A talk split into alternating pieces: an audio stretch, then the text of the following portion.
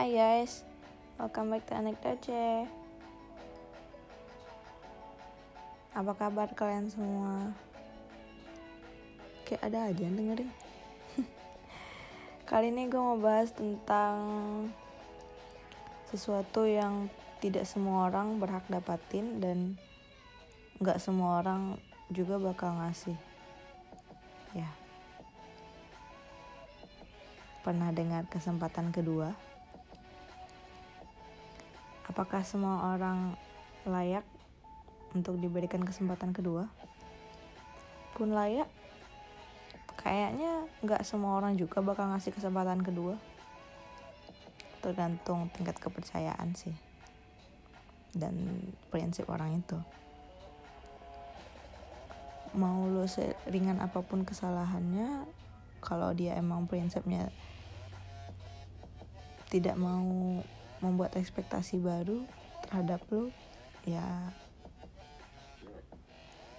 gitu deh. Tidak akan ada kesempatan kedua. Tapi kok misalnya dia adalah tipe yang percaya banget sama lo dan tipe yang ya udah maafin aja mana tahu dia besok berubah kayak gitu kan. Kayaknya mau segede apa pun kesalahan lu dan berkali-kali parahnya sih bakal tetap dikasih kesempatan. Udah bukan kedua ketiga lagi nggak tahu yang keberapa. Tapi meskipun begitu orang-orang kayak gitu akan tetap punya limit sendiri. Jadi kalau lu merasa meremehkan dia dengan ah ntar bakal dimaafin juga. Ah, ntar dia bakal nerima gue balik lagi. Lu salah. Dia tetap aja manusia biasa. Bakal tetap punya limit ya limitnya orang aja yang beda-beda. Jadi gimana sih kesempatan kedua itu maksudnya? Misalnya lu bikin sebuah kesalahan entah itu lo sengaja atau enggak tetap aja sebuah kesalahan ya tetap salah gitu kan. Ya sebenarnya dari pihak yang lo lakuin kesalahan tadi sulit loh buat dia untuk jangankan untuk memaafkan mungkin untuk nerima aja agak susah. Tergantung tingkat kesalahan sih sebenarnya. Kalau kesalahannya ringan dan mungkin dimaafkan able ya mungkin tidak begitu sulit ya untuk hal-hal sepele. Tapi untuk hal-hal yang cukup sensitif bagi perasaan itu cukup menguras hati loh.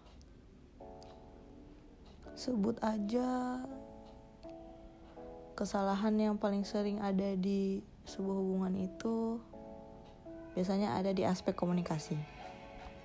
Entah itu salah paham atau sesuatu yang tidak sempat untuk terekspresikan jadinya terpendam ya baliknya ujung-ujungnya tetap ke komunikasi tadi. Sebuah kesalahan yang cukup sering ditemui dalam sebuah hubungan itu adalah berawal dari kepercayaan yang enggak apa ya enggak utuh. Mau kalian bertahun-tahun bareng kalau misalnya salah satu kepercayaan salah seorang kepercayaannya tuh udah nggak seutuh awal selanjutnya bakal susah untuk ngasih kesempatan gitu atau maafkan gitu.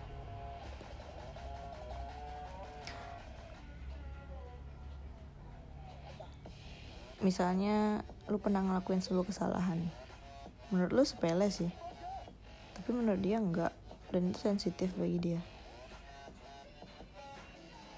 lu mungkin akan mikir lebay banget sih hal kayak gitu digedein. Atau semacamnya itu tingkat toleransi dia aja sih sebenarnya. Bagaimanapun dan siapa pun itu kepercayaan seseorang harus tetap lu jaga. Meskipun lo bilang kan gue nggak sengaja.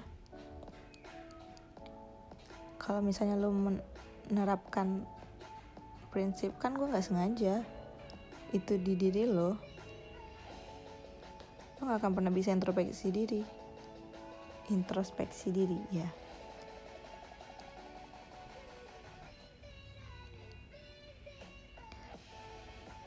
Coba belajar memahami apa yang udah diperbuat. Bertanggung jawab. Percaya atau tidak kalau misalnya habis ngelakuin sesuatu ya seperti orang bilang kebaikan seribu banyaknya pun bisa kehapus kalau bikin satu kejahatan yang langsung nempel bagi dia gitu. Karena otak kita ini atau pikiran kita ini lebih gampang mengingat hal-hal yang hmm, lebih ngena dan biasanya itu udah sebuah kesalahan dibanding hal-hal baik yang orang lakuin ke kita gitu. Itu secara otomatis jadi maksudnya nggak ada orang itu pengen untuk ingat-ingat kesalahan lo gitu atau ngelupain kebaikan lo yang udah lo lakuin selama ini. Semua orang pernah bikin salah. Semua orang pernah gagal pernah jatuh.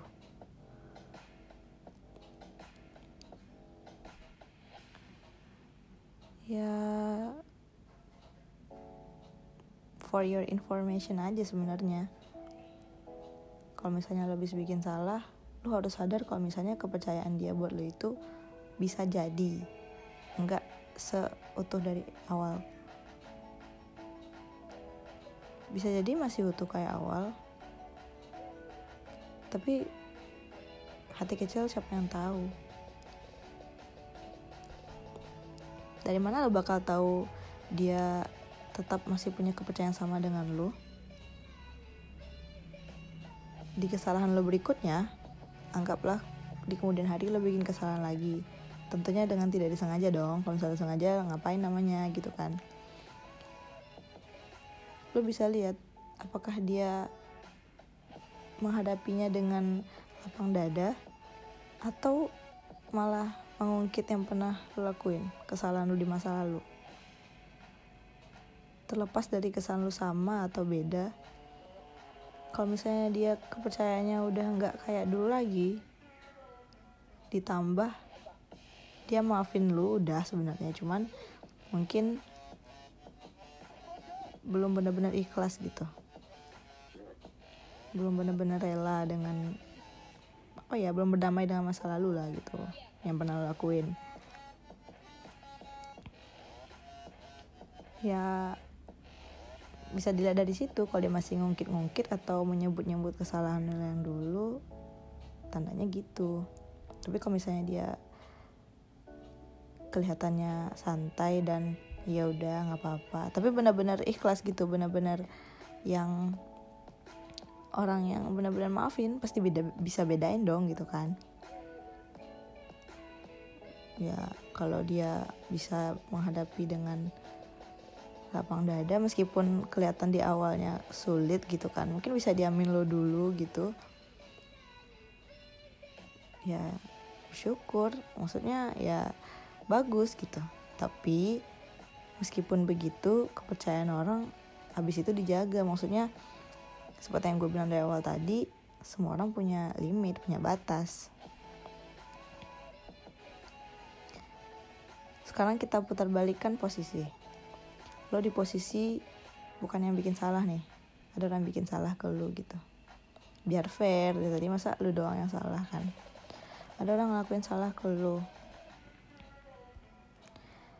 terlepas dari yang dilakuin itu adalah yang menurut lo sepele ah nggak perlu dipermasalahin sampai yang gue nggak terima nih gue susah nerima hal ini gitu. Pada akhirnya yang bikin dada lu terasa lebih lega yang bikin perasaan lu lebih tenang adalah tetap memaafkan. Lu boleh marah boleh kesal minimal bete lah kalau dia ngelakuin kesalahan. Itu hak lo sih mengekspresikan sesuatu. Tapi pada akhirnya nggak ada yang bisa lo pilih selain maafkan kayak iya dia udah terjadi juga gitu kan dia udah di masa lalu dan nggak bisa dijemput atau diubah. Buat apa lu pendam marahnya kan? Kebanyakan orang yang orang ngelakuin kesalahan ke dia terus dia masih belum bisa nerima belum bisa ikhlas. Mungkin saking gedenya kesalahan yang dilakuin orang ke dia kali ya. Dan itu dibawa bertahun-tahun bisa dia pendam rapat-rapat sampai dia bingung sendiri dia harus ngapain ya? Kalau misalnya ketemu orang itu dia kayaknya nyesek banget rasanya. Sampai nanya orang-orang gue harus ngapain ya? Kok gue rasanya nggak tenang atau nggak lega atau gue nggak suka aja sama dia gitu. Itu karena dia belum benar-benar bisa uh, melepaskan. Kadang orang-orang nggak sadar kalau yang harus dia lakuin itu adalah ya maafin lupain aja. Nggak juga ada gunanya ingat kesalahan orang lain kan? Terus buat apa kita marah? Buat apa kita kesal? Buat apa kita bete? Mungkin itu mekanisme pertahanan diri. Biar orang itu tahu kalau dia salah. Karena kadang orang itu bisa tahu dia salah nggak melulu dari lo salah kata-kata itu gitu. Tidak harus dari statement. Bahkan untuk respon tidak ngelakuin apa-apa alias diemin itu juga udah bentuk kita untuk kasih tahu dia kalau dia salah gitu kan. Atau gunanya kita kesal kita marah kita bete kalau ngelakuin kesan ke kita adalah dia tahu kapan harus apa ya dia tahu dia salah yang pertama tadi. Terus dia tahu berapa lama waktu yang lu butuhin untuk bisa tenang. Karena orang kalau marah tuh atau bete atau kesel tuh sebenarnya butuh waktu untuk menenangkan diri. Nah dan waktu orang itu untuk bisa akhirnya ngobrol lagi atau benar-benar berdamai dengan situasi itu beda-beda. Ada yang sekarang marah banget tapi kalau misalnya dia bisa berhasil untuk menenangkan diri cepat dia dalam 5 menit langsung bisa kayak eh maaf ya tadi gue kayaknya kesel banget sama lo gitu. Atau maaf ya tadi gue diamin bisa dengan cepat gitu. Tapi ada juga yang lebih susah untuk menerima gitu. Marah banget sampai matiin HP mungkin kalau misalnya dia hubungannya di chat kali ya. Atau dia langsung pergi mungkin sehari dua hari baru dia bisa lebih tenang lebih berpikir jernih gitu kan. Ya tergantung orang ya sebenarnya dan itu gunanya kita mengekspresikan emosi kita atau amarah kita tapi ya seperti yang gue bilang tadi nggak ada gunanya berlarut-larut. Lu sebagai orang yang dia bikin kesalahan ke lu selain memaafkan ya mungkin beberapa orang berekspektasi atau berharap dia bakal berubah. Dia nggak nggak akan ngelakuin kesalahan itu lagi Gak beberapa orang juga sih. Kayaknya semua orang berharap kayak gitu kan. Kalau habis ngelakuin kesalahan pasti dia ngarepnya nggak ngelakuin itu lagi. Entah itu di masa depan dia ngelakuinnya sengaja atau nggak sengaja. Pokoknya kita berharap dia nggak ngelakuin itu lagi. Sampai kadang kan kalau misalnya kita habis damai sama orang janji ya nggak ngelakuin itu lagi kayak gitu. Atau dia sendiri yang ngomong gue janji nggak ngelakuin itu lagi gitu. Boleh menaruh harapan tapi saran gue sih let it go aja. Ya let it go. Maksudnya biarin aja gitu. Makin tinggi lo berharap makin kuat ekspektasi lo juga bakal nyesek ke diri lo sendiri. Let it be aja. Biarin aja. Jangan terlalu bergantung pada orang lain. Meskipun hanya dengan harapan dia nggak akan melakukan kesalahan yang sama ya karena kalau misalnya lu ngarep atau dia udah janji nggak bakal melakukan hal yang sama ke lu terus lo udah kayak oke okay, lo gak akan lakuin kesalahan yang sama lagi ke gue dan lu terlalu berharap itu akan menjadi kenyataan tapi ternyata di masa depan atau besoknya dia misalnya saya nggak sengaja ataupun sengaja ngelakuin itu lagi. Sakit yang lo rasain bakal lebih perih daripada lu kayak oh ya udah gitu. Karena sebenarnya orang-orang kayak gitu tuh yang ngelakuin kesalahan berulang-ulang kali bisa ditanyain apakah dia serius dengan perkataannya saat minta maaf dulu. Karena kata-kata ya udah deh maaf itu beda dengan aku minta maaf ya kayak gitu. Kayak yang satu kayak biar cepet aja selesai masalahnya makanya dia minta maaf. Yang satu lagi baru kayak benar-benar minta maaf gitu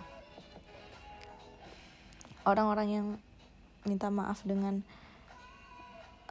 iya deh maaf deh kayak gitu. Apalagi dengan nada yang ya tau lah gitu kan. Kayak biar cepet aja dia minta maafnya. Biasanya dia untuk ke depannya tidak begitu berhati-hati. Kenapa gue bilang begitu? Karena kadang dia tuh kayak mikir misalnya dia dihadapkan dengan satu permasalahan atau apa gitu yang dia berpeluang untuk ngelakuin kesalahan mungkin kepikiran sama dia kayak kayak kalau gue bikin kesalahan dia bakal maafin lagi. Ya tinggal minta maaf kayak gitu. Beda dengan orang yang minta maafnya tuh serius dan meminta maaf dia bakal berusaha buat ngelakuin sesuatu sebaik-baik mungkin. Pokoknya hati-hati deh teliti dia ngerjainnya gitu.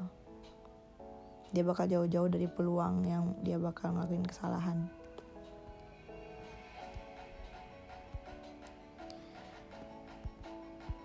di mana pun posisi lo yang lakuin kesalahan ataupun yang orang lakuin kesalahan ke lo ya maafin. Meskipun lu adalah yang bikin kesalahan lu udah minta maaf misalnya terus orang yang lu minta maafkan itu nggak sepenuhnya bisa maafin lu. Itu wajar sebenarnya sih bagaimana dia bisa mengikhlaskan tuh kan beda-beda tiap orang. Dan lu juga harus maafin dia nggak bisa maafin lu gitu. Ngerti gak sih maksudnya? Lu juga harus ikhlas kalau misalnya orang itu tidak sepenuhnya bisa maafin lu lagi tidak sepenuhnya punya kepercayaan yang sama kayak dulu ke lu lagi gitu. Semoga itu bisa jadi pelajaran bagi lu yang bikin kesalahan untuk ke depannya kepada siapa pun lebih berhati-hati. Dan pun kalau misalnya ngelakuin kesalahan lagi lu bisa mengurangi celah-celah di mana lu bakal salah langkah gitu. Jadi sebenarnya nggak selalu orang yang orang ngelakuin kesalahan ke dia yang harus maafin. Kalau bikin kesalahan lu juga harus maafin. Maafin diri lu sendiri. Maafin orang lain yang tidak selalu bisa sesuai ekspektasi lu bakal maafin lu. Ya kan?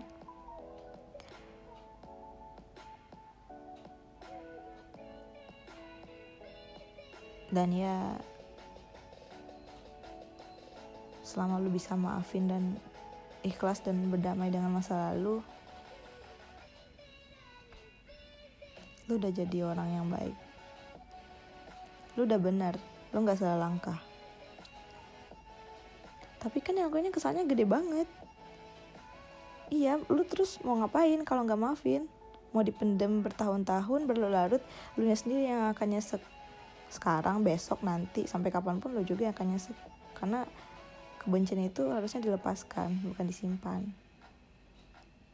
Gue gak benci sama dia marah aja. Iya sama. Kan sama aja kayak hal-hal toksik yang lu simpan dalam diri lu sendiri. Buat apa lu simpan hal toksik dalam diri lu? Orang dibuang harusnya sama aja kayak kuman dalam tubuh lu. Orang diobatin buat dibuang kan? Bukan buat disimpan. Makanya maafin aja. Ya susah sih. Tapi kita nggak akan pernah tahu kalau kita nggak nyoba ya kan? Kayaknya itu dulu sih buat kali ini. Sampai ketemu di bulan Agustus